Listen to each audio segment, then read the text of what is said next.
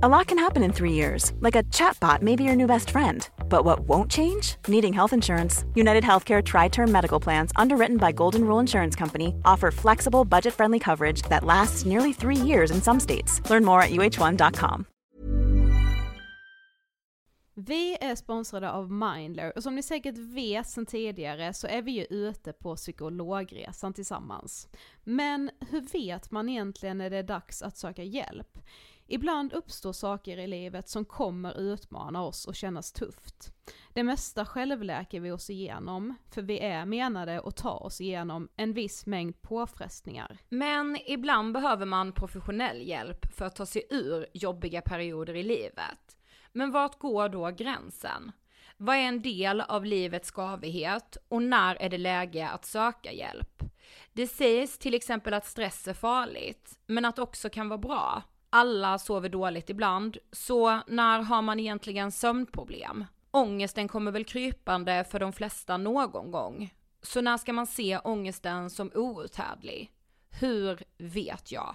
Med oss som psykolog har vi såklart min gamla psykolog Linnea Seidbrant. Okej, Linnea, hur mycket ångest är en del av livet och när ska man liksom söka hjälp för den? Ja, men ångest är ju en känsla som vi alla får då och då. Men när ångesten är så pass återkommande och intensiv att den påverkar ditt fungerande och orsakar ett stort lidande, då tycker jag att det är dags att söka hjälp. Sök hellre för tidigt om du är osäker. Då kan vi oftast med en ganska enkel insats förebygga svårare ohälsa. Och det är bra att tänka på att du förväntas ju inte kunna diagnostisera dig själv mm. med någon fysisk ohälsa. Och det behöver du inte heller kunna göra när det kommer till din psykiska ohälsa. Vi kommer att hjälpa dig att avgöra. Gud vad det där är, alltså det, det tror jag är haken för så många, inklusive mig själv, att jag ska redan veta vad mitt problem jag ska är innan jag kommer in. till... Ja. Oh jag ska komma till psykologen och säga hej, jag har liksom eh, PTSD och trauma och eh, kanske eventuellt ADHD mm. och eh, är nedstämd och kanske en depression. Alltså. Ja, precis, och vi, jag menar vi har ju pluggat i fem år vi psykologer just för att kunna göra bra och grundliga bedömningar. Ja. Så lämna det till oss. Ja, gud vad, alltså varför? Ja det är jätteintressant. Ja verkligen. Ladda ner Mindler till din telefon och läs mer på mindler.se.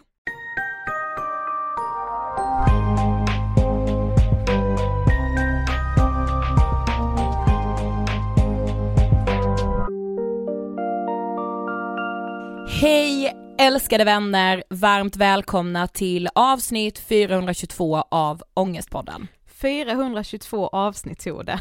Det gjorde det. Ja. Men vi har en väldigt, väldigt stor nyhet att avslöja idag. Ja, vi ska till riksdagen. Alltså vi, vi ska ha ett seminarie i riksdagen. Som ni vet så släppte vi ju kampanjen tre minuter. Ni bara, vi har missat, det har ju ingen gjort. Eh, den 3 juni 2022 eh, med tanken om att ändra skollagen, om att införa ett maxtak för hur många elever en skolkurator får ansvar över. Mm. Nu har vi ju slitit.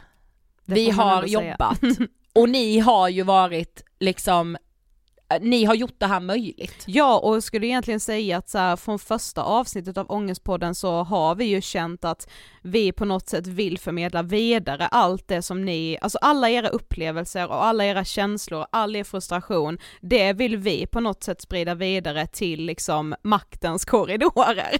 Vi, vi sitter liksom inte på någon makt att förändra, fast samtidigt så gör vi ju det, allihop tillsammans. Exakt. Eh, men vi är ju inte beslutsfattarna, men beslutsfattarna måste lyssna på er. Ja, alltså verkligen. Och vi ska hålla det här tillsammans med Christian Karlsson som är ordförande i socialutskottet. Ja. Så vi är ju liksom med makten nu Sofie. Ja, och alltså alla riksdagsledamöter kommer ju få en inbjudan till det här seminariet. Eh, så det ska bli spännande att se vilka som kommer, vilka som ja. inte kommer. Vilka prioriterar det här? Exakt. Alltså men... jag, ja, men jag är så så så stolt över att vi ska göra det här och jag tycker verkligen att alla ni ska vara där tillsammans med oss för det här är ju liksom ångestpodden. Och har man jag tror ju inte att du som lyssnar inte redan har skrivit under vår namninsamling på 3minuter.se men om du känner någon som inte har gjort det, be då dem göra det för nu behöver vi ju alla namn vi kan få. Fast helt ärligt så har ju inte alla skrivit under, för det ser vi ju, det är fler som lyssnar än som har skrivit under. Ja, jo, sant. Så gå in på 3minuter.se, skriv under namninsamlingen. Det är så viktigt, vi vill ha så många namn vi bara kan för att säkra barn och ungas psykiska hälsa och skolkuratorernas arbetssituation. Mm. Okej, idag har vi ju också ett väldigt angeläget ämne. Det får man sannoliken säga att vi har. Man kan ju säga så här, ni har önskat och önskat och önskat. Ja. Och äntligen ska vi återigen, det var väldigt länge sedan sist, Mm. Prata om ortorexi. Ja, och vi har ju tidigare tag- tagit upp det här från mer de egna erfarenheternas perspektiv. Nu kommer liksom professionen in. Ja, och inte vilken profession som helst. Man kan ju säga så här att den här kvinnan blåste oss av stolen fullständigt. Japp, vill umgås med varje dag. Vi har med oss experten Yvonne Lin. Ja. Och Yvonne har alltså forskat och hon har jobbat med personer som har insjuknat i ortorexi. Yvonne har jobbat sedan 1994. Mm. Nej men det är 30 år Sofie. Ja men det var så mycket matnyttig info här, alltså jag har inte lärt mig så här mycket på en, under en och samma timme på länge. Nej men och också hur vårt samhälle är så, alltså så, Så jävla osunt. himla ohälsosamt. Ja. Nej men det är det det är. Ja. Och Yvonne sätter liksom spiken i kistan Ja, mer än en gång i det här Ja, avsnittet, det om är- vi säger så. En citatmaskin ni ska få lyssna till nu. Ja, och en expert. Ja. Vi rullar intervjun med Yvonne om ortorexi. Varsågoda! Hej Yvonne och varmt välkommen till Ångestpodden! Ja, tack så mycket, vilken ära! Ja, superkul att ha dig här.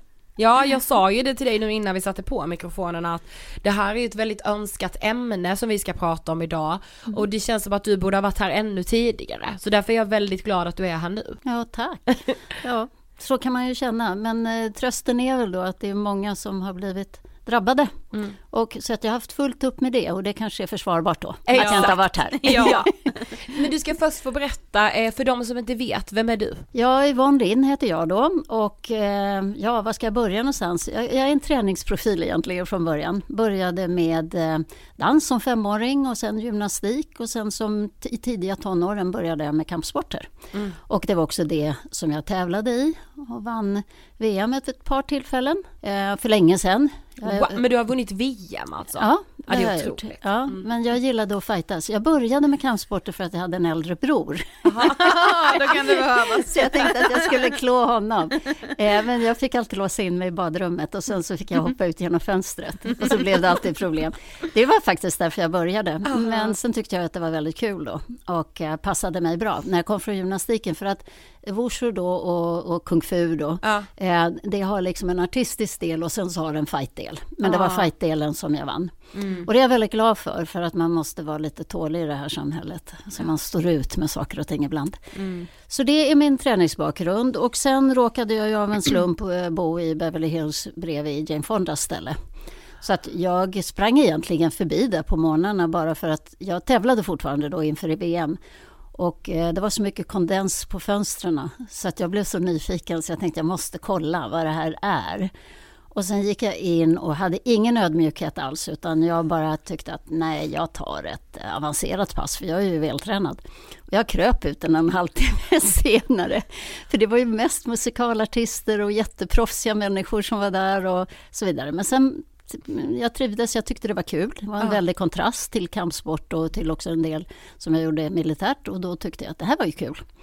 Sen när jag kom hem till Sverige så startade jag första anläggningen då för den moderna gruppträningen kan man väl säga, aerobics och så på den tiden. Och så drev jag det under många år. Sen eh, började jag ju fundera över det här med hälsa, vad var hälsosamt? Det hade jag börjat med faktiskt redan från Kina när jag tränade med min kinesiska lärare. Eh, Så började jag fundera på hälsa för att han var pensionär när jag träffade honom. Och jag började träna med honom för att jag blev så imponerad för att han gjorde en rondat och hoppade ner i split ute i en park. Och jag satt bara och väntade på, liksom, jag ville börja träna med honom. Och han blev över 100 år. Men det väckte frågan för mig, så här, hur ska man träna för att orka liksom hela livet? Mm. Ja. Och sen landade jag efter det i Beverly Hills där det var jättehysteriskt och alla tränade och det var jättekul. Det var positivt på den tiden med högkonjunktur och så. Så tänkte jag, men det här är ju enorma kontraster.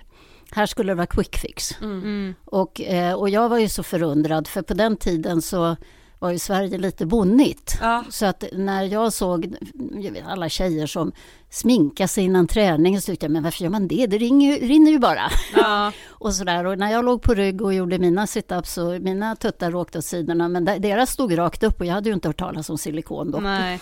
Så, så det var liksom verkligen så här kontraster. Ja. Mm. Men som sagt, så det, det var det som fick mig att tänka sen när jag såg att det händer någonting i träningsvärlden. Mm. Att det kan inte vara hälsosamt att man börjar att vända på det. Alltså idrotten det. säger man ju, jag vill äta bra för att kunna träna bra. Och så såg jag, men vänta, de här vill ju träna för att förtjäna att äta. Ja. Så då fortsatte jag att plugga. Mm. Så då pluggade jag eh, medicin först och eh, sen idrottsfysiologi och kost och så och sen fortsatte jag med psykologi och sen till psykoterapeututbildningar då. Så att jag, det här holistiska, om man säger, det, det, det har funnits i ryggmärgen sedan första dagen liksom jag tränade. För det är så i öst, kropp och själ, tanke, det är liksom en enhet. Mm. Och då såg jag, nej men den här gruppen som sen då kom att bli ortorexi. Alltså det såg jag, men det här är inte hälsosamt. Så det här kan inte vara rätt väg att gå. Mm. Och då kände jag att nej, här kanske man ska försöka göra någonting. Så sen åkte jag till Ryssland, jobbade, eh, var inbjuden faktiskt att jobba med ett landslag i gymnastik i Moskva på ett, eh, deras universitet för medicin och idrott. Och eh, var där och gick ner till forskarna som satt då på sina labb. Tyckte att jag ställde en väldigt normal fråga. Så jag frågade dem hur, hur ska man träna för att bevisligen förbättra hälsan? Och då tittade de på mig och så sa de Jaha, finns det de som tränar utan att tävla? Varför gör de det? Och det var så jätteelitistiskt. Mm. Det var ju bara elitidrott. Men vi satte ihop en forskningsgrupp då för att titta på just hälsorelaterad träning. Det tog två år. Och titta för den vanliga människan, alltså inte rehabilitering, inte elitidrott, utan om en vanlig person ska träna. Nisse Ja. från Mindpower, han ska träna styrketräning eller konditionsträning. Eller vad ska Ja. han träna och på vilket sätt? Mm. Så tog det två år. Och sen kom vi underfund med, ja men det gäller ju psykologi, folk mår dåligt. Eh, De är ledsna, de är oroliga, eh, det är andra problem, man är inte motiverad, eh, man har livspusslet och så vidare. Så då sa vi, vi lägger till psykologi. Och då tog det fyra år till. Mm. Ja. Så sex år tog det att ta fram behandlingsmetoder. Och där ibland också då behandlingsmetod för ortorexi. Mm. Ja. Och det startade vi med på YLAB då. Ja, när började vi? 2001 så Oj. öppnade vi för behandling. Så att vi, ortorexi har vi jobbat med i många år. Och det är ju det vi ska prata om idag, men Mm. du ska också först få ångest på den frågan. Vad tänker du på när du hör ordet ångest? Oj, eh, det är ju hemskt att säga men jag ser ju massor med människoansikten framför mig. Mm. Eftersom jag jobbar med människor i ångest varje dag. Mm. Men jag gör en distinkt skillnad mellan ångest och stress. För många säger att jag är stressad fast de har ångest. Och i Mm. min mening så finns rädslan med i ångest som en väldigt stark faktor. Mm. Eh, Det är mer än att vara jäktad och ha mycket och, och vara smått orolig. Utan, eh, det, är, det är väldigt starka krafter Mm. i ångest. Men sen är ju skalan från oro till panikattacker. Jag Ja. menar, Ja, exakt. men jag tycker nog, om man tittar på psykisk ohälsa då, det är ju ett, eh, naturligtvis ett område som jag jobbar med, eh, så finns ju ångest som en komponent i de allra flesta. Mm. Och det är ju egentligen den gemensamma nämnaren, är Mm. ju ångesten. Mm. Oavsett om du har tvång eller du har socialfobi eller du har andra typer av fobier, kräkfobi eller liknande eller eh, om du har paniksyndrom. Alltså, alla de här olika tillstånden har en portion ångest. Mm. Så därför är det så intressant. Mm. Ja. Även idrotten har Ja. ju sin. Ja, ja verkligen. Mm. Men, men om vi då, för idag vill vi ju liksom fokusera på ortorexi. Mm. Eh, om man aldrig har hört talas Mm. om det tidigare, Mm. alltså vad är ortorexi? Hur beskriver du det? Mm. Alltså den ursprung, ursprungliga beskrivningen utav det, som Steven Bratman, en läkare i USA då, han myntade ju det begreppet, ortorexia nervosa kallade han det för. Ja. Och då menade han att det här är när man är rädd för att äta onyttiga livsmedel och Okej. ingenting annat. Ett lite det här clean eat, Ja, att man äter biodynamiskt odlat och så vidare. Och varför? Jo, för man är rädd för att bli sjuk. Så att man vill inte äta fel för då är man rädd för att bli sjuk. Eh, när vi började arbeta med det så såg vi det på ett annat sätt. Och där vi såg då att men eh, det här handlar inte bara om att man är rädd för att bli sjuk utan man är rädd för att gå upp i vikt men inte på samma sätt som en anorektiker utan eh, man kan gärna gå upp i vikt och särskilt killar. De kan gå upp i vikt. Eh, för de vill ju ha, bli muskulösa. Så att det handlar om att man vill inte ha för mycket underhudsfett. Eh, men man kan gärna bli muskulös. Så man är också rädd för att tappa muskulaturen. Eh, så det är en sak. Sen är man ju liksom rädd för image numera. Jag vill inte bli uppfattad som en ohälsosam, osund, onyttig, lat och slö person. Mm. Och den är jättestark och så var det inte från början. Eh, och sen är man rädd för inaktivitet. Och då är inte det att promenera utan man är rädd för att inte få träna. Man kan inte hoppa över träning eh, utan att få ångest helt enkelt. Mm. Och sen är naturligtvis så leder det här till olika eh, beteenden då. Men det finns en fjärde sak också. Så att om jag säger att man, man, man är rädd för att gå upp i fettvikt. eh, Man är rädd för att bli sjuk också. Man är rädd för att få dålig image och sen är man rädd för att förlora prestationsförmågan. Ja. Mm. Så att när vi, jag och Anatoly Grigorenko, vi skrev ju en bok då eh, 2013 och där så definierade vi ortorexi som att man är, eh, man är fixerad vid nyttiga livsmedel i kombination med tvångsmässig träning. Mm. Och det var det som skilde sig från Bratmans. Mhm. Som då hade, nej det handlar bara om att man är rädd för att bli sjuk. Och vi sa nej, man är rädd för flera faktorer och det inkluderar träning som en ångestmedicin. Mm. Ja.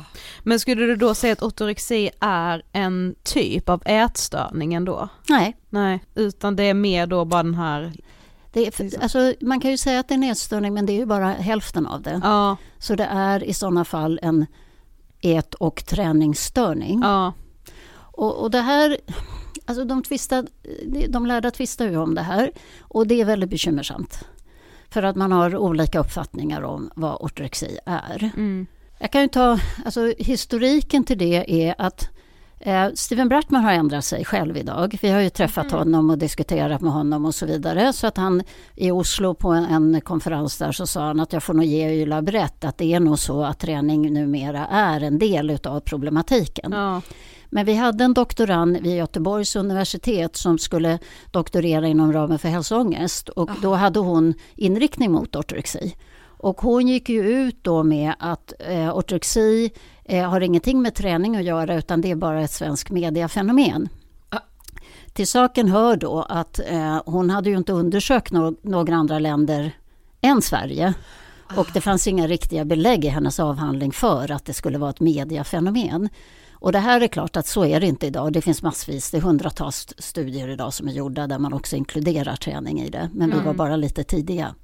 Men det här tyvärr resulterade i då att det blev diskussioner där vi har några institutioner då som säger att ortorexi finns inte överhuvudtaget. Och så har vi de som säger att ortorexi är anorexi. Och så har vi de som säger att ortorexi är tvång. Och sen har vi de som säger ortorexi är bulimi. Och alla vill liksom trycka in ortorexin i ett eget, liksom i deras fack. ja, i en diagnos som redan finns liksom. Ja, Mm. och, eh, och det finns ju väldigt många diagnoser så jag förstår att man inte vill ha allt för många. Men vi, jag forskar och min kollega forskar och vi är liksom högutbildade på YLAB och vi har ju dokumenterat vetenskapligt i 20 år. Och vi har belägg på fötterna idag när vi säger att nej men det finns överlappningar precis som det gör i andra ätstörningar. Mm. Eh, Det överlappar ibland med anorexia men det kan också överlappa med överträningssyndrom som för övrigt inte heller är en diagnos. Eller tvångsmässig träning. Så att det finns överlappningar men det finns så pass stora skillnader att man kan säga att det här ska ha en egen diagnos. Mm. Men vi valde då att kalla det ortorexia atletica bara för att särskilja då från de som tyckte att det här hade ingenting med träning att göra. Mm. För att vi upplevde eller som, som vår inställning var så här, och min definitivt, att ja, men jag bryr mig inte om semantiken, man får kalla det vad man vill. Ja. Men här finns en problematik och det är väldigt många som är drabbade idag som lider och deras anhöriga och familjer. Mm. Och vi har från 12 år till 59 år idag. Både män och kvinnor, pojkar och flickor. Mm. Och de kommer på löpande band. Eh, det, det, det är förfärligt smärtsamt tillstånd. Mm. Och jag tycker inte man ska hålla på att raljera eller märka revir i det här fallet för att styra forskningsmedel eller vad det nu är man vill styra. Utan vi måste ta hand om den här gruppen. Mm. Ja, vad skulle du säga, alltså vad är skälen till att man tycker, alltså för när du förklarade så, så tycker jag att det, man ser att det är mm, stor skillnad på anorexi och ortorexi, bulimi och ortorexi, UNS och alltså Mm. ortorexi. Men varför vill man så gärna, alltså tror du det beror på att man inte vill ha så mycket diagnoser? Ett, det, ja, det kan ju vara en anledning. Ja. Men tyvärr så tror jag också att det handlar också om forskningsanslag. Mm. Liksom att man, det är klart att som forskare så, så är det ju det en ständig kamp att få in medel och finansiering för Exakt. sina studier. Eh, så att jag tror att det ligger väldigt mycket där. Ja. Eh, men eh, å andra sidan så kan jag tycka så här att ja, men om man tittar på ätstörningsvården idag, det är köer. Mm. Ja, Nu sist var sju, åtta månader i kö. enorma köer. Så att man borde vara lite mer positiv och öppna armarna och se till vi måste vara fler aktörer Mm. Som jobbar med det här. Och då måste man få ut information och utbildning. Mm. Då måste man samarbeta. Men vad är det då som liksom, eh, vad är de största skillnaderna mellan ortorexi och anorexi Mm. eller ortorexi och Mm. tvångssyndrom Mm. till exempel? Ja. Man kan säga så här, det som är lättast att urskilja är om man tar ortorexi och bulimi. Ja. För att eh, det finns inte hetsättning och det finns inte, man kräks inte. Men i senaste DSM 5, alltså diagnostiseringsmanualen som tas fram av amerikanska psykiatriförbundet. Mm. Eh, där har man ju lagt in träning i bulimi nu som ett kompensatoriskt beteende. Men Mm. man har ju inte hetsättning, Nej. Vilket är ju en väsentlig del i bulimi. Ja. Och så där skiljer det sig, så den kan man ju avpolitera. Mm. När det gäller anorexia så är ju ett av kriterierna är då att man är rädd att gå upp i vikt. Mm. Eh, ja, fast det är ju inte alla inom ortorexi. Nej, just det. Utan man vill forma en kropp med lågt underhudsfett Mm. och eh, muskulös kropp. Ja, men då är man inte rädd för att gå upp i vikt per Nej. definition. Eh, så där skiljer det sig också lite. Och sen så, så har man ju liksom andra delar i, i anorexi som det kan överlappa i. Eh, och det kan vara många biomarkörer exempelvis som jag kan komma in på lite sen. Men om man tittar på den klock... Alltså den, om man generaliserar den klassiska anorexian med att man vill bli väldigt liten. Mm. Eller mannekängkropp eller supersize, liksom Mm. zero och sådär. Ja. Eh, och då tänker man energiförbrukning. Och då tänker man promenader. Och man promenerar och promenerar. Mm. När det gäller ortorexi så vill man ju bli muskulös. Och eh, män då mer kanske än kvinnor, men kvinnor också. Och det här är inte bara promenader, utan här pratar vi om långlopp, vi pratar om crossfit, vi pratar om hitpass, alltså stenhård träning. Mm. Med, på lika, alltså det urartar ju till att det är på samma, kan man säga, med samma volym som en elitidrottare har. Mm. Så man kan ju träna 20 timmar i veckan. Alltså det börjar med 2-3 timmar i veckan Mm. och sen blir det till slut varje dag. Och sen blir det två gånger om dagen och sen blir det tre gånger om dagen. Så precis som en bulimiker som, som ökar sitt kompensatoriska beteende så gör en ortorektiker det också, Ja. men med träning. Ja, Mm. exakt. Och den komponenten då, vad, vad gör träning, hård träning, högintensiv träning på en svältande kropp? Mm. Det är det som det inte finns underlag för, vare sig i bulimi eller i, i anorexi. Man har inte den kunskapen. Nej. Och vi anser då att man bör ha kunskaper i idrottsfysiologi Ja. för att förstå det. Mm. Så att där har vi liksom också skillnad på utkomsten. Liksom, vad blir resultatet utav det? Sen om man tittar på maten och, och relationen till maten så, så är det ju det vanliga inom anorexia är ju att eh, jag väger mig Ja. eh, liksom alldeles för ofta, tvångsmässigt. Eh, och jag eh, kanske väger maten. Så jag väger mig själv, jag väger mat, jag beräknar liksom, och räknar kalorier och så vidare. Eh, det är inte alltid så med ortorexin. Det finns vissa som inte väger sig alls. Eh, men däremot så tittar man sig i spegeln. Mm. Mm. Så Man att ska för- se resultatet. Ja, du liksom. vill se hur kroppen ska se ut på ett visst sätt. Ja. Så det beteendet skiljer sig lite grann.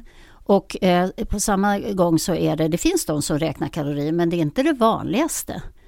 Utan här handlar det ju om det som kanske var grunden till att ortorexi blev till. Att man har också starka åsikter om kvaliteten i maten. Inte bara energimängd och kvantitet. Nej, just det. Utan det är hur det ska komponeras. Ja. Vilka livsmedel ska ätas? Hur ska det komponeras på olika sätt? Mm. Eh, och det är ju en större andel utav tiden än att räkna kalorier. Ja, Mm. exakt. Utan det är komponeringen utav det då. Ja. Så att eh, planeringen för dem handlar Alltså om man, igen, om man tar fysisk aktivitet som är vanlig med anorexia, vi räknar kalorier i maten och det som går in och kalorier jag förbrukar när jag promenerar och tittar på mina stegräknare och allt vad det är. Så gör man inte riktigt så i ortorexin. Man kan ha det som ett komplement men man håller på och planerar mat. Allt ifrån hur många måltider ska jag äta, på vilka tider ska jag äta, vilka kompositioner kan man äta och framförallt vad får jag absolut inte äta. Mm. Och uteslutande kan vara ja, ett par hundra livsmedel som jag inte eh, äter för att jag är rädd då för effekterna utav livsmedlen. Mm. Inte bara på vikten utan även på prestationsförmågan. Då. Ja. Eller just skräpmat exempelvis. Jag vill inte att de ska tycka att jag är ohälsosamt. Men vi funderade, som jag sa till dig så har vi fått så mycket önskemål om att prata om anorexi, om att prata om liksom Mm. eh, träning, alltså när träningen inte är hälsosam. Eh, och, och så tänkte vi på så här, men vad får, vad får vi för meddelanden? Och det är många som har skrivit till oss att så här, att man går från att till exempel ha anorexi eller bulimi och i något slags tillfrisknande så ska man börja träna och faller då över i anorexi. Har du sett det, är det vanligt? Alltså från anorexi till ortorexi. Eh, det, det har ju blivit vanligare.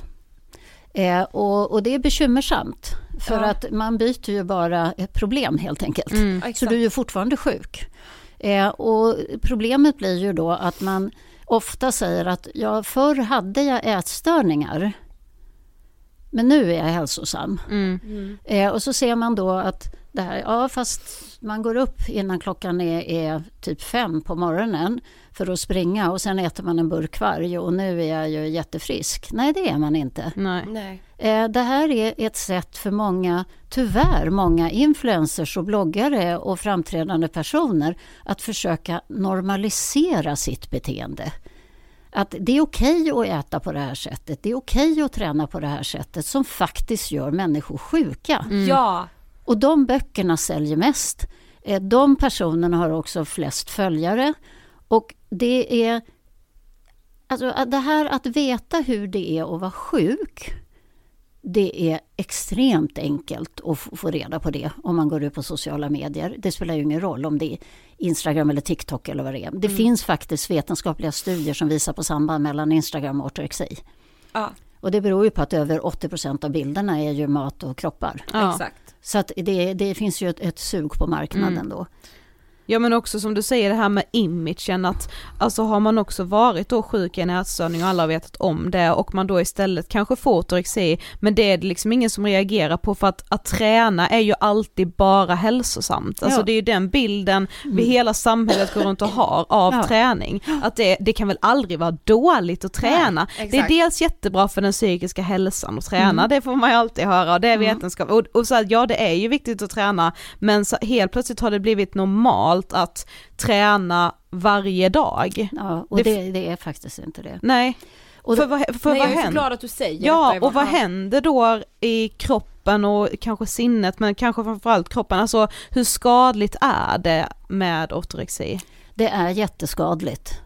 Eh, och eh, som parallell då kan jag säga att jag och flera andra på YLAB eh, som jobbar med mig, eh, vi, som sagt vi kommer alla från elitidrotten. Mm. Eh, och flera av oss jobbar, ja, någon jobbar ju nu också, men jag har också tidigare jobbat med landslagsträning och så. Jag skulle aldrig någonsin utsätta mina landslagskillar och tjejer för den kost och den träning som man gör och, och rekommenderar idag i det ortorektiska samhället. Mm. Det är helt galet. Och när man säger det kan aldrig bli för mycket träning, Det är inte sant. Nej. För att det är bara att titta på hur många idrottsmedicinkliniker det finns. Man går sönder om man Ja. tränar för mycket. Mm. Eh, Man får olika tillstånd som, som exempelvis ortorexi Mm. om man inte får återhämtning. Och det som brister här är att i träning i Sverige det är en folkrörelse.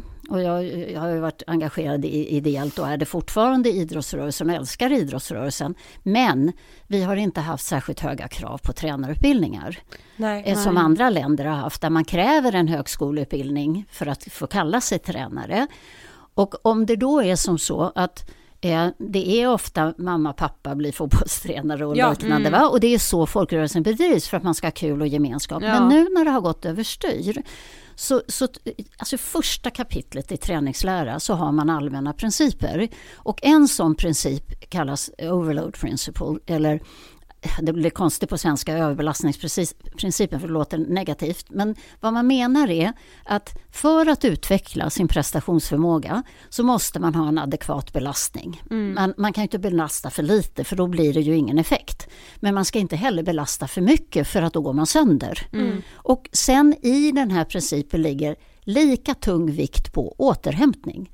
Återhämtning är bra mat, bra sömn, tillräckligt med vätska, kunna avstå, alltså ha vilodagar från träning och ha mental avspänning. Så tar vi ortorexin. Har man bra mat, katastrofalt. Det är inte bara för lite energi utan det är total snedvridning av våra makronutrienter vilket gör att de får en rad olika brister. Så maten är helt undermålig. Sömn? Nej, de får skyhögt kortisol vilket gör att de sover jättedåligt på nätterna och det blir sämre och sämre, vaknar oftare och vaknar tidigare. Eh, och det är då man går ut och springer och säger Ja. jag vill göra det innan familjen vaknar om man har familj. Men det är för Och jag är ändå är vaken så jag... Ja, ja.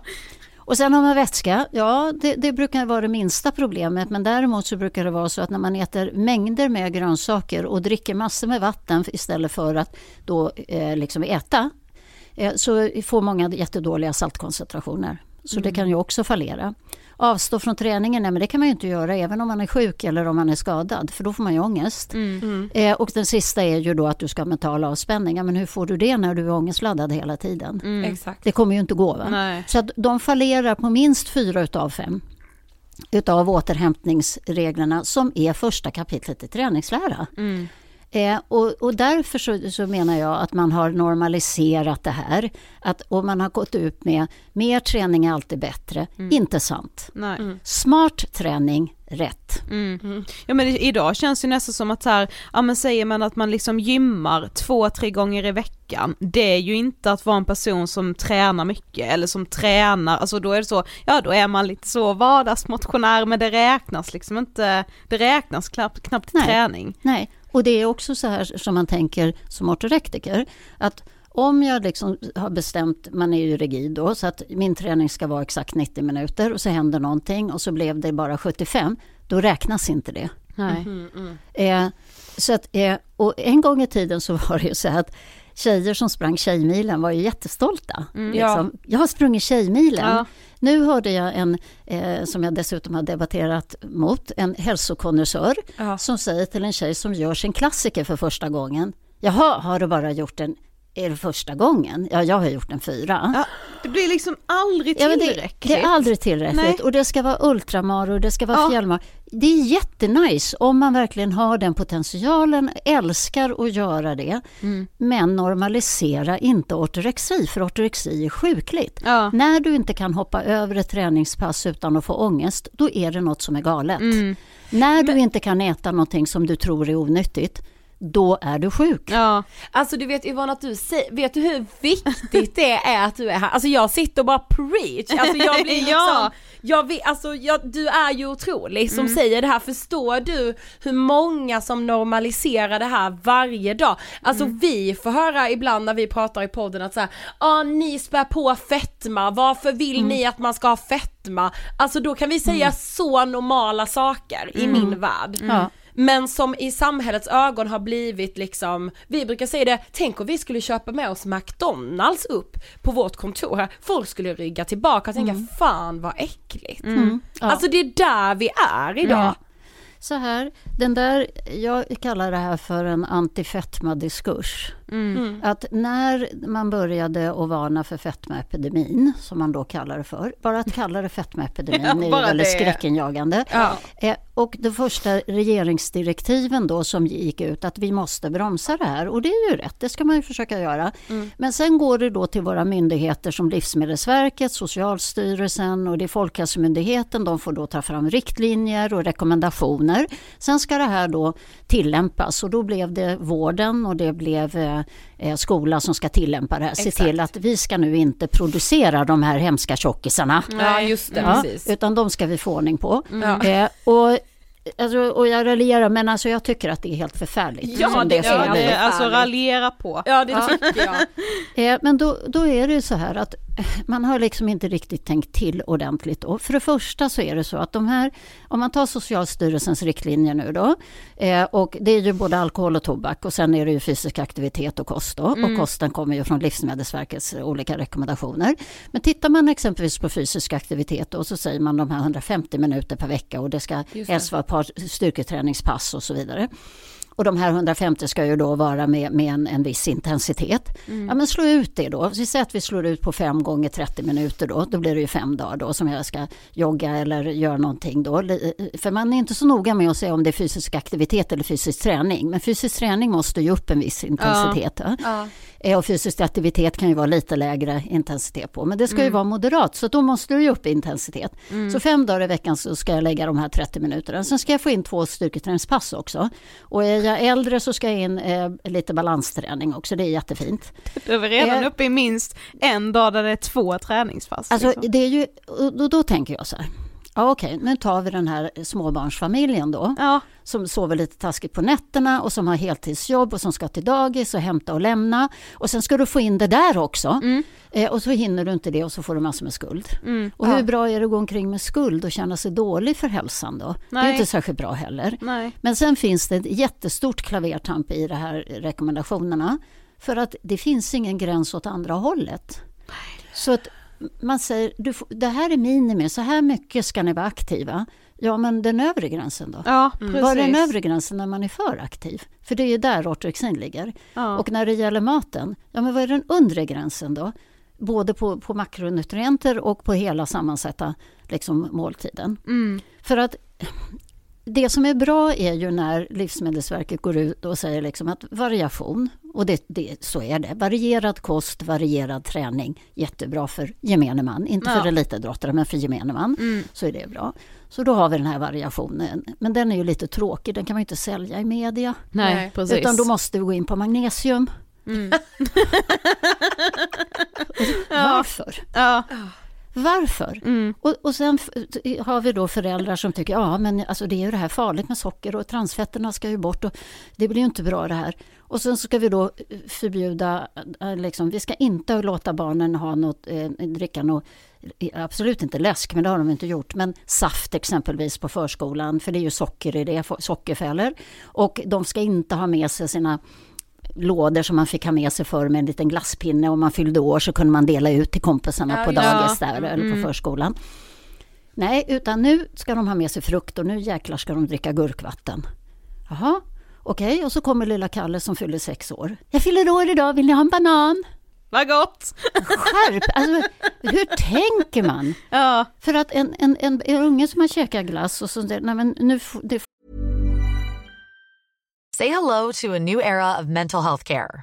Cerebral is here to help you achieve your mental wellness goals with professional therapy and medication management support. 100% online. You'll experience the all new Cerebral Way, an innovative approach to mental wellness designed around you. You'll get a personalized treatment plan from a therapist, prescriber, or both in a safe and judgment free space. Your cerebral therapist or prescriber will outline a customized plan with clear milestones along the way so you can get to feeling your best. With Cerebral, you're not alone in your mental health journey. We're here to empower you to live a fulfilling life. So take that first step towards a brighter future and sign up today at cerebral.com slash podcast and use code ACAST to get 15% off your first month. Offer only valid on monthly plans. Other exclusions may apply. Offer ends July 31st, 2024. See site for details. Flexibility is great. That's why there's yoga. Flexibility for your insurance coverage is great too. That's why there's United Healthcare Insurance Plans. Underwritten by Golden Rule Insurance Company, United Healthcare Insurance Plans offer flexible, budget friendly coverage for medical, vision, dental, and more. One of these plans may be right for you if you're, say, between jobs, coming off your parents' plan, turning a side hustle into a full hustle, or even missed open enrollment. Want more flexibility? Find out more about United Healthcare Insurance Plans at uh1.com. får ni inte nu, för det är onyttigt. Då kommer ju den här ungen säga, varför då? Glass är ju jättegott. Mm. Ja, vad ska man svara då? Ja, för då blir du tjock eller? Nej, du får hjärtinfarkt och dör i förtid. Alltså man har inte beaktat psykologi överhuvudtaget. Nej, nej, nej. Nej men du för det är så intressant, vi fick, vi fick till oss veta att det finns barn som alltså är i förskoleålder, som går i förskolan som säger att jag får inte äta vitt bröd för det är farligt. Ja, ja men så här är det. Jag möter dem dagligen. Vi har ju, vi har ju en klinik här i Stockholm och sen så har vi ju eh, i Norrköping. Och, och eh, det spelar ingen roll, liksom. det kommer varje dag så har vi samtal. Och åldrarna går ner och det här som du säger att det är farligt, ja men då får man ju fundera på att om vi har en väldigt högt uppsatt person inom just livsstil och det här området som går ut och säger det är livsfarligt att sitta. Mm. Ja, men då blir ju barn och ungdomar rädda. Ja. Och det är så också på våra kliniker att när vi ser när de kommer första gången för att göra det vi kallar en sån här wellnessanalys då, genomgång som tar, tar några timmar, eh, då står de alltid upp. Eh, för de kan inte sitta ner då. Eh, och det här blir ju extremt påfrestande naturligtvis när du ska vara i skolan. Ja. Ah. Och då, då är det så att de här ursprungliga studierna handlade om cirkulation och så. Och det var bra studier från Australien som också har gjorts om, eh, upprepas här med, med eh, en forskare som heter Bak, Elin. Och, eh, och det är helt korrekt. Men när man drog parallellerna att det har något med vikt att göra. Då går det ju överstyr. Ja. Av någon anledning så kopplar man alltid ihop det. Och om man räknar på det här, alltså nu blir det matematiskt räkneexempel här i er podd. Eh, men alltså, om man sitter så brukar man säga att man gör av med ungefär, alltså som kvinna då kanske, en 1,3 kalor- kilokalorier då per minut. Om man står 1,4, alltså det skiljer 0,1. Så slår man, ja, tar man det, vad blir det då, gånger 60 per minut där och sen kanske 8 timmars arbetsdag då. Ja men 48 kilokalorier, ja men det är ett litet äpple. Men strunt i äpplet då och sitt Ja. ner. Ja. Om det är vikten du är ute efter. Alltså det är så mycket villfarelse. Mm. Och, och jag, igår här senast var det någon som tog upp den här som blev så känd också, Game Changer. Ja, Mm, den dokumentärserien. Ja, den Ja, dokumentär. Ja. Var... Ja, och där, den som då liksom var upphovet till att många blev vegetarianer och så vidare. Mm, Just det. Precis. Eh, och han lovordade det här och på alla sätt och vis. Och det var optimal träning, optimal, det, de här häftiga orden då, och Mm. kost och så. Mm. Men jag brukar säga så här, men det första man ska göra, och det här är ju till alla lyssnare nu, när det står, om, om man utlovar att det hjälper mot allt, då kan du vara säker på att det är lögn. ja men precis. ja. För det För finns så inget. enkelt är Nej. inget. Nej. Så är det. ja. Men sen så måste man vara mer kritisk. Man måste gå in, okej vem säger det här? Mm. Gå in och googla, titta vad har den här personen för bakgrund? Har de någon utbildning i det ämne som de uttalar sig i? Finns det någon kickback, att man kan klicka på deras sidor så att om jag går in och köper proteintillskott där så kanske det finns någon kickback till den som, som, som äger den här sidan och så vidare. Eh, man måste vara mycket mer kritisk, man får inte liksom svälja allt. Nej. Det är ju som den här killen nu då, bara för att ta honom som ett exempel. Ja, men går man in och googlar, han, han, han kom från MMA för det första. Eh, och det var ju inte så här att han liksom har vunnit VM och OS eller något sånt där, utan är ganska medioker i sin idrott. Mm. Eh, och eh, eftersom han då också säger att han vet hur det är och- med optimal träning då, Mm. så har han ju gjort så där ifrån sig själv. Ja. Men sen om man går in och läser då, vad kan man då om kost och, och, och, och så, och träning, liksom utbildning? Nej, han har ingen utbildning i det. Men han har en utbildning. Han har ju en universitetsutbildning. Han har en kandidatexamen i företagsekonomi. Ja, precis. Det är ju exakt samma som den mycket uppmärksammade boken Kimchi och kombucha som kom från Bonnier Fakta. Eh, som en, en journalistkollega till oss gjorde en stor granskning utav. Där man också, för jag tänkte också fråga det, eh, senaste åren så har man ju sett, alltså tittar vi tillbaka på så 80, också 90-tal skulle jag säga när vi växte upp, eh, så pratade man ju om dieter och då tyckte jag man använde sig av det ordet, man pratade om bantning och så vidare.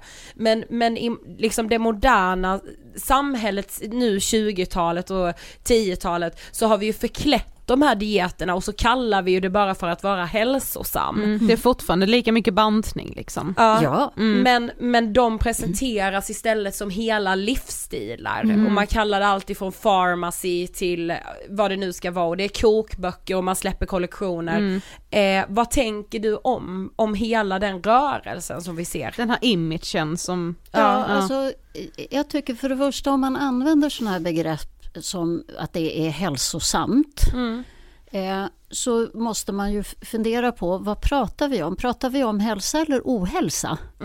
Eh, det är ju samma sammanblandning i den här branschen med, när det gäller journalistik och så också. Att, vänta nu, om vi pratar om exempelvis, jag går och gör en hälsomätning och så tar jag massor med blodprover. Då är det i mina ögon en ohälsomätning för jag letar efter biomarkörer som är dåliga och som får stjärnor i kanten och min läkare säger att det här ser inget bra ut. Det är att mäta ohälsa.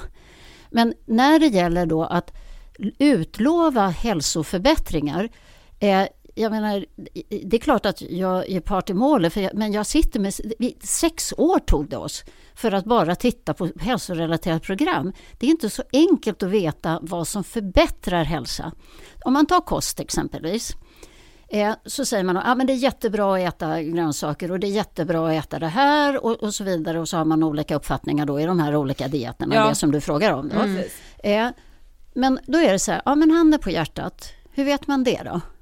Hur vet man att just den här maten är, förbättrar hälsan? Och vad menar man med hälsa? Vad är det den förbättrar exakt? Den fysiska hälsan, den mentala hälsan, vilken, eh, vad är det som...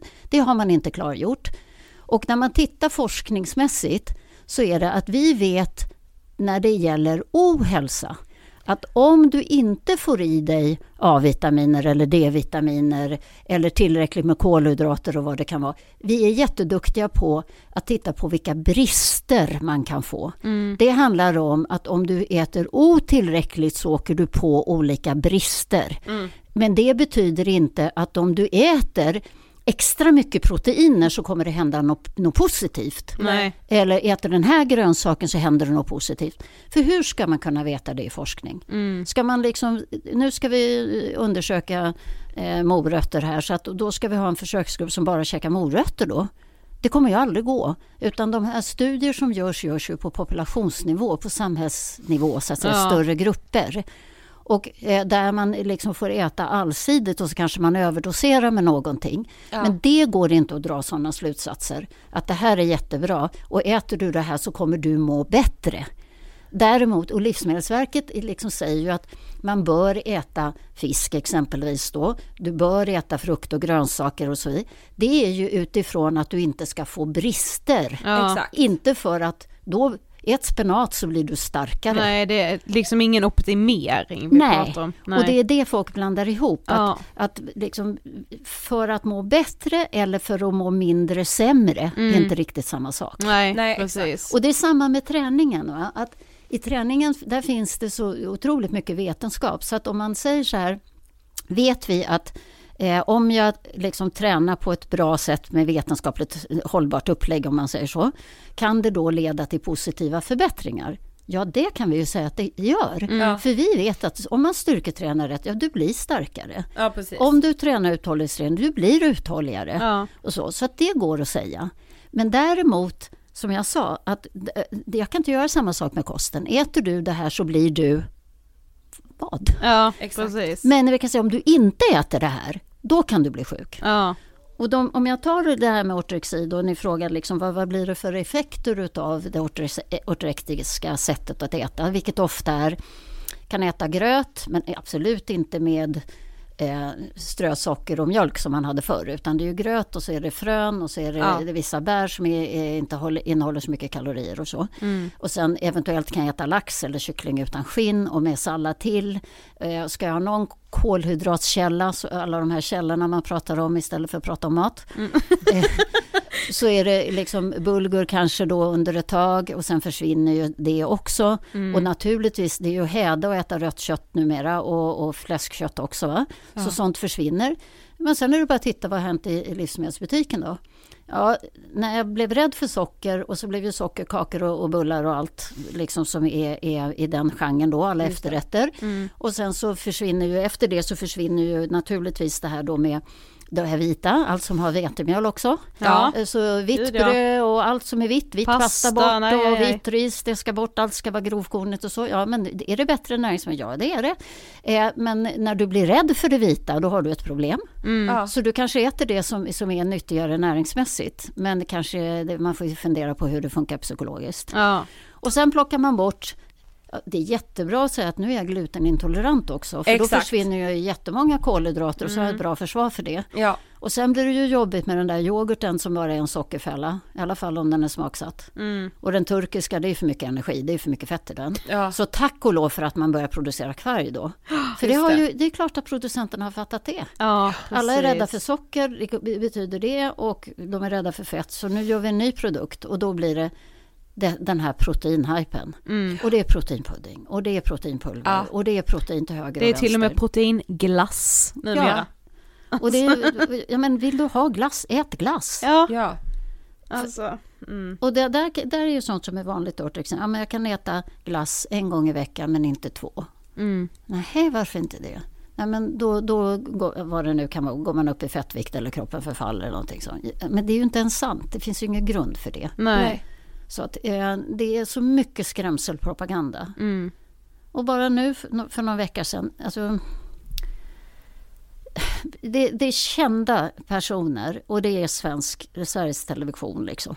Och när man pratar om hälsa och så låter man en överviktig person ligga i en soffa med fötterna på bordet med en läsk på magen och en godisskål bredvid och smaska på den och titta på TV. Man behöver inte säga någonting, men barn, unga, folk som tittar på det har direkt kopplat ihop. Äter du det där, då blir du tjock. Ja, och då har du liksom ingen självdisciplin och du är liksom, ja, Nej. du är en slappis. Ja. Och, och man kan faktiskt, det finns ju en, om man tittar, pratar lite eh, liksom inom sociologi och så, så finns det ju en väldigt känd person som heter Foucault. Och han gjorde alltså, en studie om 1600-talet, hur man då eh, pratade om idioter och imbecilla människor då, som var psykiskt sjuka. Ja. Och sen internerade man dem och de fick ingen behandling utan de skulle liksom disciplineras till att ändra på sig. Eh, och så hade man olika benämningar på grader på, de här, på det här idiotskapet då som man sa.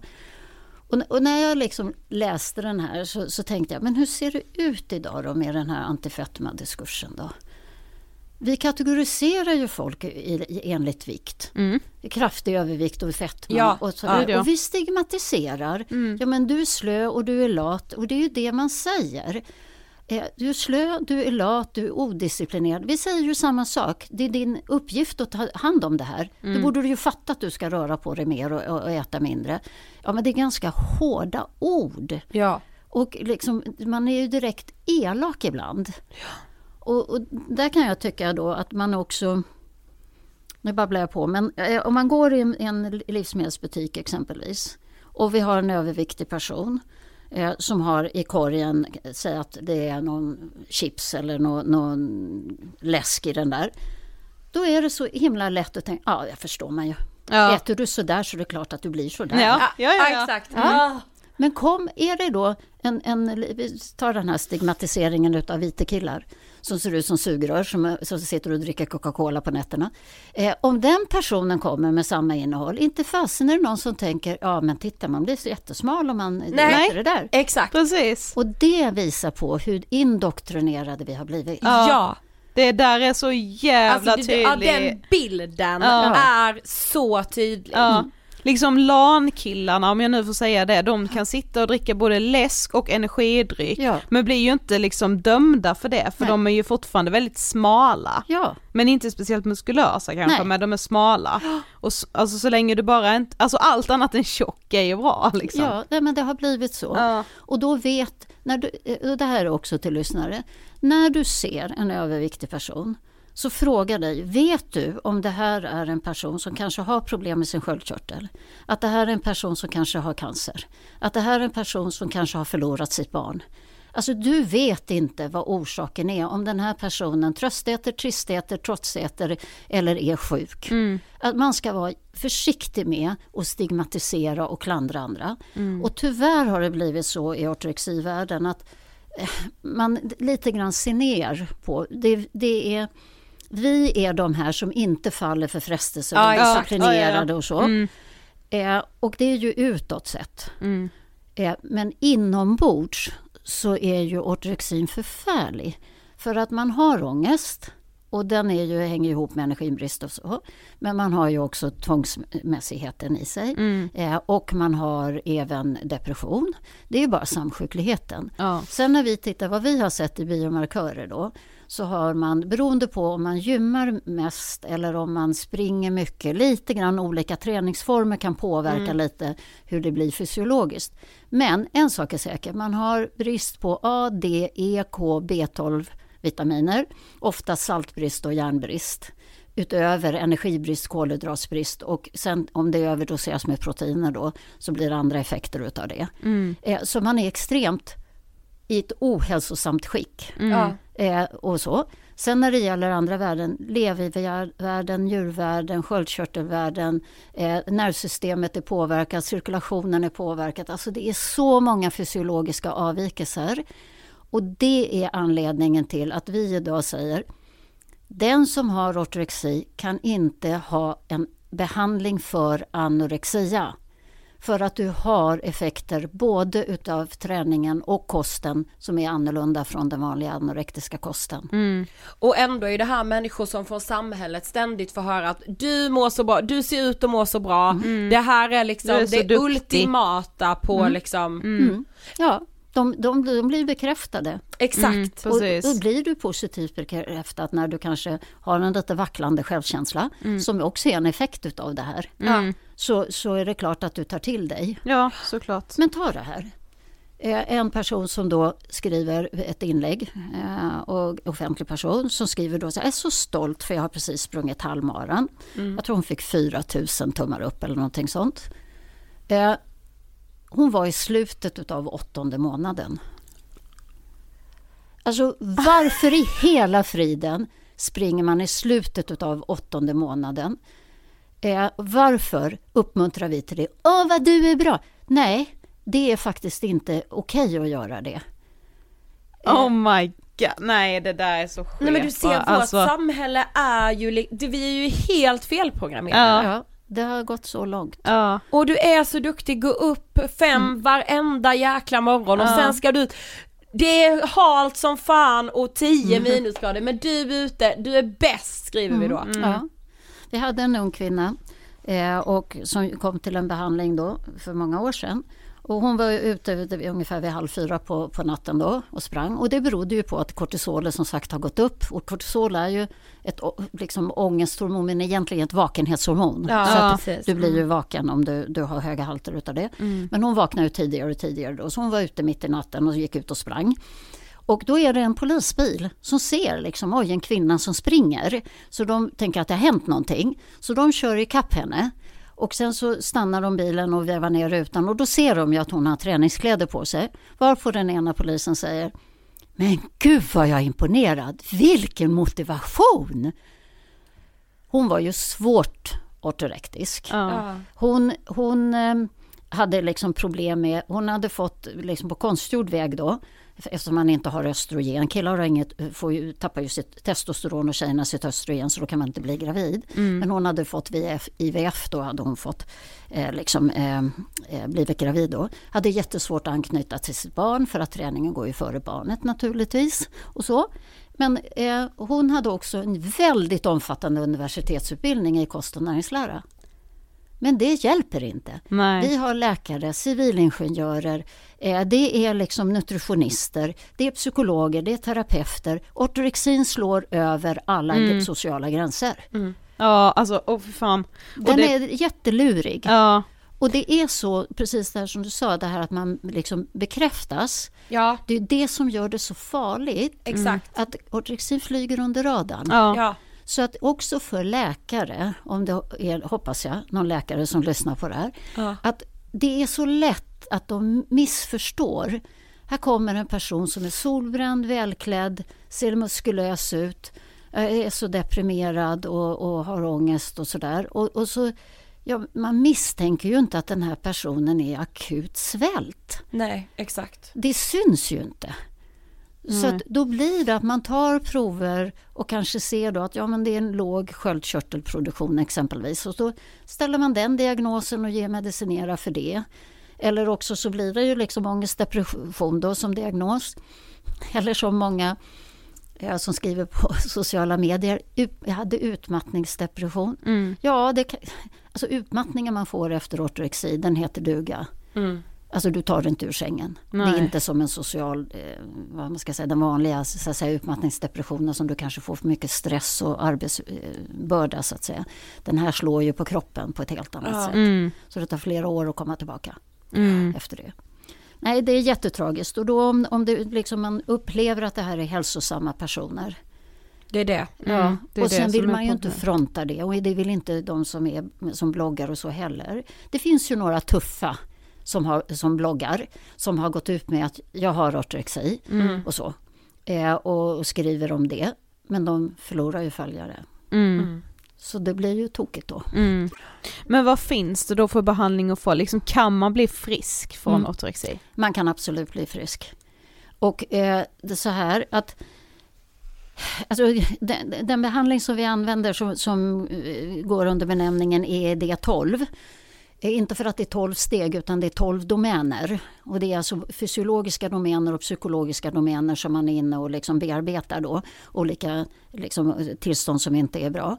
Eh, och eh, det, det, man kan säga att den, man behöver då individuell terapi redan från start. Mm. Inte sen, Nej. utan från start. För det är när man, är, man mår ju som allra sämst när man kommer. Mm. Eh, och då behöver man det. Individuell terapi, individuell träningsreglering.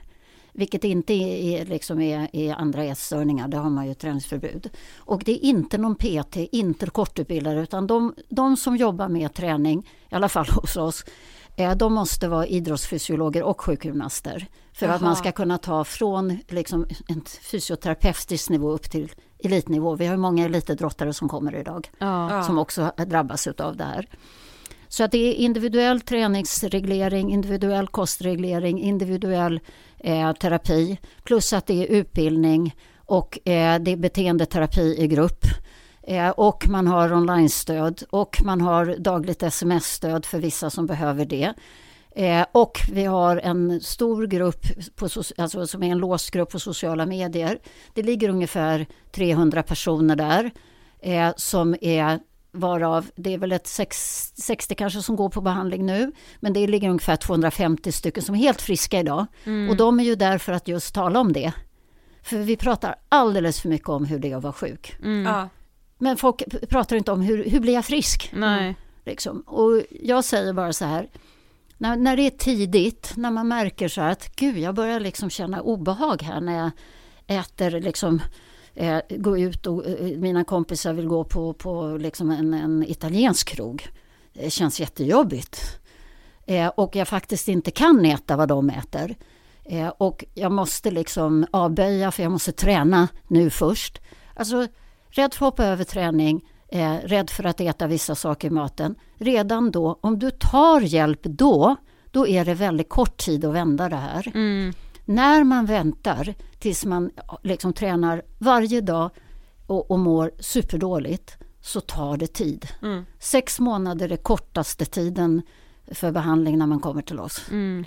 Eh, för att, och den, den är ju ofta intensiv liksom, och då går man ju från alla håll samtidigt. Mm. Men man, ska, man är inte frisk bara för att man äter normalt och tränar normalt, liksom i, i både maten och i omfång på träning och så. Det betyder inte att man är frisk. För du kan bete dig då rätt, det är liksom ett steg i behandlingen. Du beter dig rätt, men tankarna kommer. Ja, känslan är att man Så gör... tankarna finns ju där. Ja. Och då är ju många glada. För att nu, Mm. nu mår jag inte dåligt psykiskt. Så att då tänker man, nu är jag färdig. Men Ja. det är man inte. Man måste jobba vidare med alla dessa associationer som man har. Ja. Måste faktiskt förintas. Mm. Man blir lite omprogrammerad. Liksom i sin, både, framförallt skulle jag säga kunskapsmässigt. För Ja. vi har väldigt mycket kunskap i metoden. Mm. Ja. Att med kunskap, så man kan säga så här, att om jag, om jag ska få en behandling och jag kan ta från ett tv-program där man är introducerad, så säger man så här att ja, men här har vi matsal, här ska vi alla sitta och äta tillsammans. Och, eh, och sen så, men ångesten du får lära dig då, nu är jag eh, liksom KBT-utbildad själv, men oftast är det ju så här att andas i en fyrkant. Ja, men du ska reglera din ångest. Och tankar, det kommer du ha kvar. Eh, och, men du ska upp i vikt. Alltså jag känner inte en enda drabbad person som känner åh, den behandlingen vill jag ha. Nej. Alltså det är jätteskräckinjagande. Exakt. Mm. Eh, och det här att inte förstå att i träning, man går inte in som nybörjare och lägger 150 kilo på skivstången. Nej. Man tar det progressivt, lite i taget. Och det är vad vi menar att den här behandlingen som, som vi ger, den tar lite i taget. Vi reglerar ner och reglerar om träningen. Vi får människor att tänka som en idrottare. Att träning ska leda till någonting positivt. Det ska inte vara en catwalk där jag visar hur duktig jag är på att göra massor med övningar. Tvärtom. Mm. Träning handlar om att jag utmanar mig. Jag kanske inte, alltså det jag inte kan för dagen, men det kan jag om tre veckor. Ja, exakt. Så att det är liksom, träning ska vara en glädjeform. Ja. Det ska vara kul och intressant. Ja som du, som du sa i början att så här, man äter för att kunna träna, man tränar inte för att kunna äta. Nej. Alltså egentligen säger det bara allt. Ja, det, det, det är den inställningen som man måste tillbaka till. Ja. Och som jag tycker att vi ändå lyckas, vi, det, vi har 3% som vi inte lyckas med. Ja men det är ju ändå väldigt, Ja. alltså ni lyckas ju med väldigt, väldigt många. Ja, och det, och det är därför att ge hoppet till alla som, som hör det här, att det går att bli frisk. Eh, och det är inte, det, ingen är ointelligent och dum i huvudet. Jag har inte träffat en enda som säger till mig, nej men jag vill inte förstå varför det blev så här. Alla vill förstå. Ja, Vad hände med mig fysiologiskt? Alltså man har så mycket skuld och skam för så mycket. Eh, och när man får höra då, men vet du det här är ju rent fysiologiskt, det kan ju inte du ha vetat. Du, kan, du fick ju bara effekterna av den här eh, snedställda fysiologin. Ja. Då tar man ju bort pekpinnen. Mm. Och, och det, det måste man göra. Det är människor vi pratar om. ja. Det handlar inte om liksom att sälja skor. Nej, precis. Men du, vi måste snart börja avrunda här Yvonne, men det är en fråga som vi måste liksom också, som, som vi var inne på också här innan inspelningen. Och, och du nämnde också att du träffar så unga personer som 12-åringar. Har du, märker ni att det kryper ner i åldrarna och i så fall vad tror du att det beror på? Alltså jag tror att det beror på att eh, bland annat är det ju att läroplanen är förändrad så att lite grann i hemkunskapen och i, i idrotten så, så börjar det smyga in ortorektiska tankegångar. Ja alltså jag får panik av det, alltså det är så jävla obehagligt. Ja, och, och skolsköterskorna som står och måttar de här sjuåringarna Mm. och tittar på kurvan. Och att man, igen att man använder BMI och framförallt, alltså vi har gjort studier på det här, man, ska, man kan inte använda BMI som ett måttinstrument för övervikt på personer som tränar. Det går inte. Det blir helt missvisande. Mm. Och det ser vi ju även när liksom idrottare då som kommer till oss. Idag är det, tidigare var det så här, anorexia och bulimi och så var ju simning och gymnastik och så. De och konståkning var ju liksom, Ja. det visste man ju liksom. Mm. Men idag, vi har de som kommer från ishockey, bandy ute, bandy inne, det är basket, det är handboll, det är liksom alla kampsporter, det är fotboll, det är friidrott. För att alltså jag gråter som, som idrottare när jag liksom har sett den här utvecklingen inom idrotten. För jag använde ofta idrotten som en måttstock tidigare. Jag sa, nej men idrotten, precis som jag sa, vi äter för att träna bra. Men nu är det många inom idrotten som tittar på för mycket fitnessteorier. Ja. Massor med proteiner och bort med kolhydraterna. Du ska bli hård och rippad och här jädrar ska du ha pannben och du ska kötta. Ja, eh, jo man tränar hårt i elitidrotten men man ska också vila och man ska äta bra. Och det är varierad kost. och framförallt, de enda som bantar är ju, det är ju där jag kommer ifrån när man tävlade i viktklasser. Mm. För då är man ju tvungen att banta, men då gör man ju det på ett mer vetenskapligt sätt. Mm. Förhoppningsvis. Mm. Men nu är det ju många i kampsporterna som går ner två viktklasser. Och det är ju tokbantning, det är ju liksom för snabbt. Alltså, ja det... Ja det var inte sista gången vi pratade om det här. Men, Nej och det var inte sista gången vi pratade med dig. Nej, även absolut känner jag, kan jag inte. se- meddela er. Och du har en bok med dig här, berätta om den. Ja. Ja, lite kort bara. Vi, det den här boken skrevs 2013. Den heter Ortorexi. Mm. Och eh, den skrevs alltså på uppdrag utav Idrottsförbundet då och det är SISU, deras förlag. Eh, nu har de, nu, den är slutsåld på, på SISU då. Men om det är som så anhöriga som har det här Mm. eller drabbade. Ja, det går, alltså man kan gå in på ortorexi.nu och där kan man bara skriva jag är intresserad av boken. Mm. Eh, för där Ja. står det ganska väl beskrivet om liksom den, bakgrunden fysiologiskt och psykologiskt. Och, och som sagt, jag, jag säger ta hjälp liksom. Ja. Och det är inte, jag, jag är inte här som en försäljare, kom och ta till, till kliniken. Utan jag tycker att verkligen, jag, många frågar mig, ja men du då, har du haft det här? Liksom? Har du haft ortorexi? Hur kommer det sig att du jobbar med det liksom, så Ja. mycket som jag gör? Eh, i det här? Nej, det har jag inte. Eh, men jag hatar ortorexin. Alltså, och jag brinner verkligen för att människor ska komma ut det här och kunna tycka om träning på det sätt som jag själv har gjort. Jag har haft så otroligt mycket liksom, gott ifrån träningen. Mm. Och det här när de säger, ja men du, du- har inte haft det. Nej, men alltså en konkursförvaltare behöver inte ha gått i konkurs. Nej. Han ska tala om hur du reder upp saker och ting. Ja. Ja. Och det är Men samma du- sak som jag ser. Det hör man. Ja, Ditt det gör man. brinn är liksom, alltså jag blir så inspirerad. Mm. Så därför ska du få sista frågan. Mm. Vad inspirerar dig? Vad som inspirerar mig? Ja. Kärlek, min man och mina barn. Otroligt. Ja, faktiskt. ja. Tack så jättemycket för att du ville gästa Ångestpodden. Ja, tack så mycket för att jag fick komma. Tack. Tack Yvonne. Alltså just det här med alltså hälsoimagen Ja.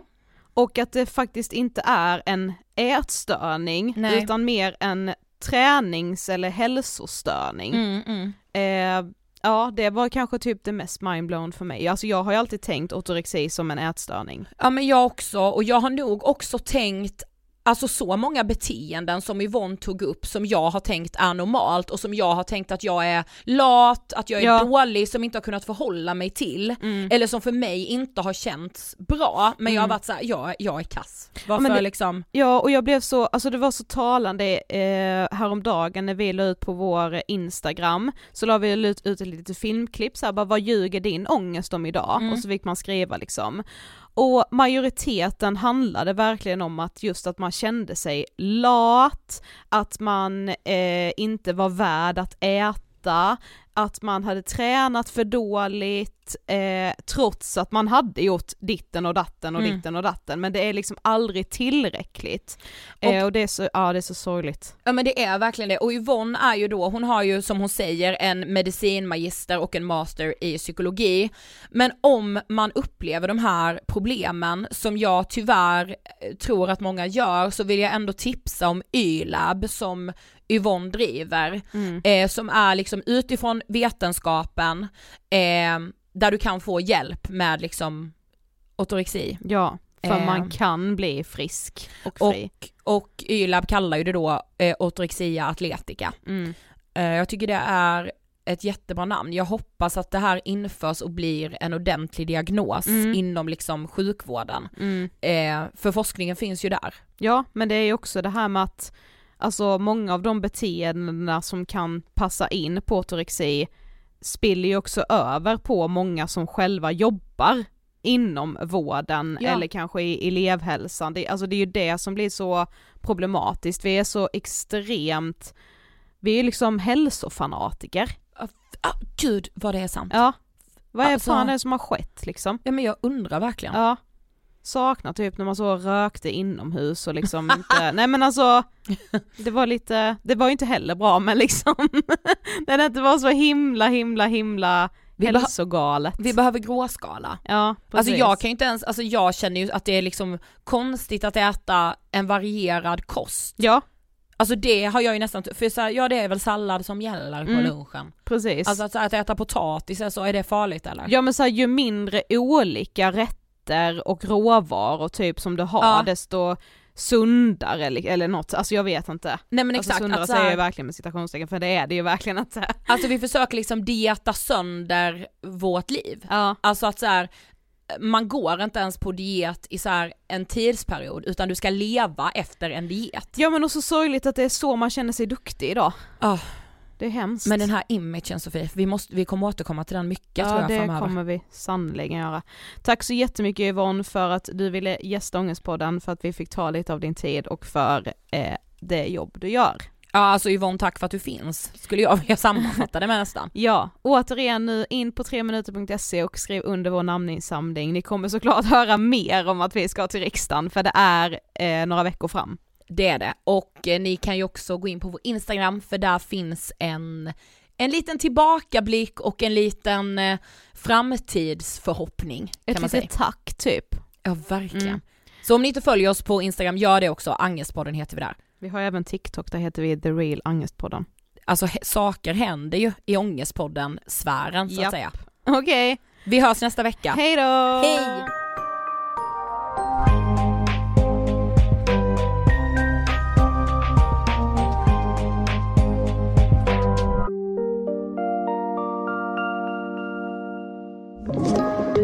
Podplay.